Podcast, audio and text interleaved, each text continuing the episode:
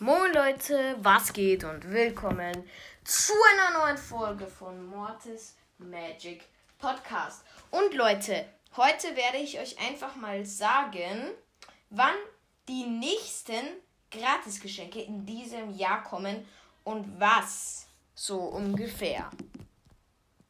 So Leute, am 1. April denke ich nämlich, dass Danny Piper hineinkommt. Ähm, ja, Lukas hat auch so ein Video gemacht, aber ähm, ich stimme ihm da schon zu. Ähm, ja, ich denke auch, dass ähm, das so kommen wird. Ähm, ja, Danny Piper 1. April, weil als April-Scherz letztes Jahr war das und vielleicht kommt der ja dieses Jahr rein.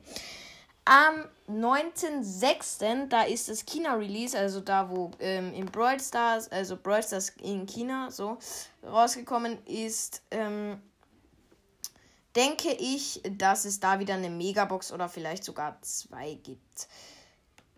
Dann wird es so ziemlich 100.000 Prozent wieder einen OG-Skin geben ähm, zu Weihnachten.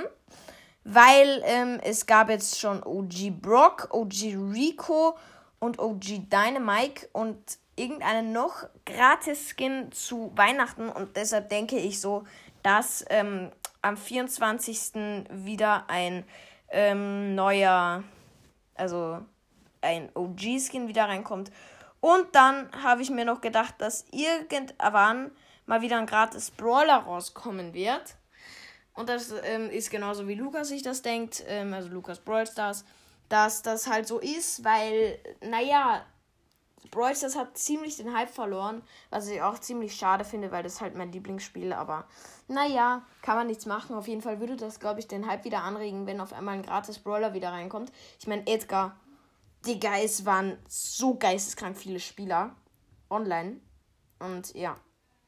Das waren meine drei Punkte so. Und ich würde sagen, das war's mit dieser Folge. Gleich kommt noch eine, wo ich Werbung für einen Podcast mache. Ciao.